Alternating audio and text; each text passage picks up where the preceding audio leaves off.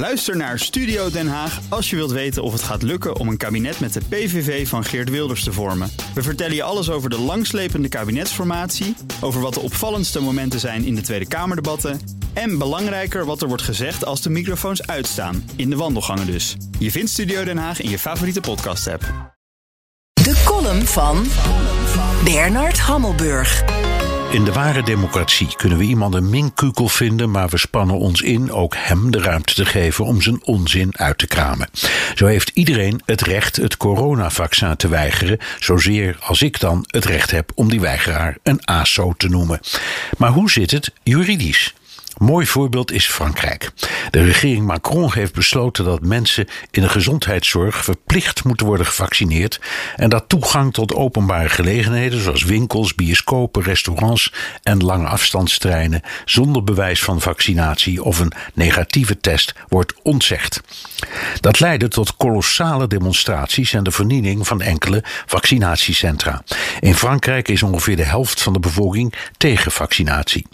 Ik ben het hardgrondig eens met Macron, want de anti-vaccin-ASO's zijn de grootste hindernis naar de terugkeer van het normale leven.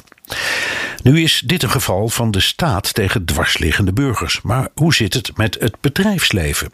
Mag de baas eisen dat het personeel is gevaccineerd? Die kwestie speelt zeer in Israël en Amerika. De redenering gaat al dus: Niemand kan jou als werknemer dwingen om je te laten vaccineren, maar je kunt mij als directeur niet dwingen jou dan toe te laten.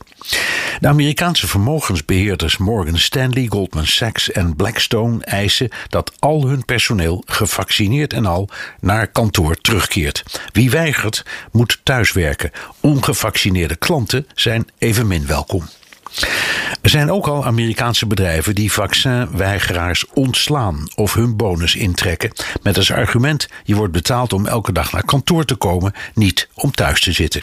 Het wachten is op een werknemer die ermee naar de rechter stapt, hoewel juristen de kans om te winnen gering achten. De achterliggende gedachte is dat het overal weer oplopende aantal besmettingen steeds duidelijk valt toe te schrijven aan ongevaccineerden en omgekeerd dat volledig gevaccineerden veilig genoeg zijn om geen levensgevaar meer te lopen. Maar wat ook speelt is de groeiende zekerheid dat een extra prik in de winter eraan komt en wellicht ook een jaarlijkse vaccinatie. Alleen al om niet nog jarenlang aan het coronaspook te hoeven denken, moeten de ASO's door de knieën. Provaxers uit alle landen verenigt u.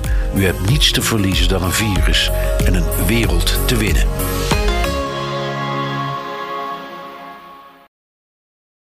Ook Diana Matroos vind je in de BNR-app. Ja, inderdaad. Je kunt live naar mij luisteren tijdens de Big Five. Ook handig in de BNR-app. Breaking nieuwsmeldingen, maar ook het allerlaatste zakelijke nieuws. En je vindt in de app alle BNR-podcasts, waaronder Wetenschap Vandaag. Download nu de gratis BNR-app en blijf scherp.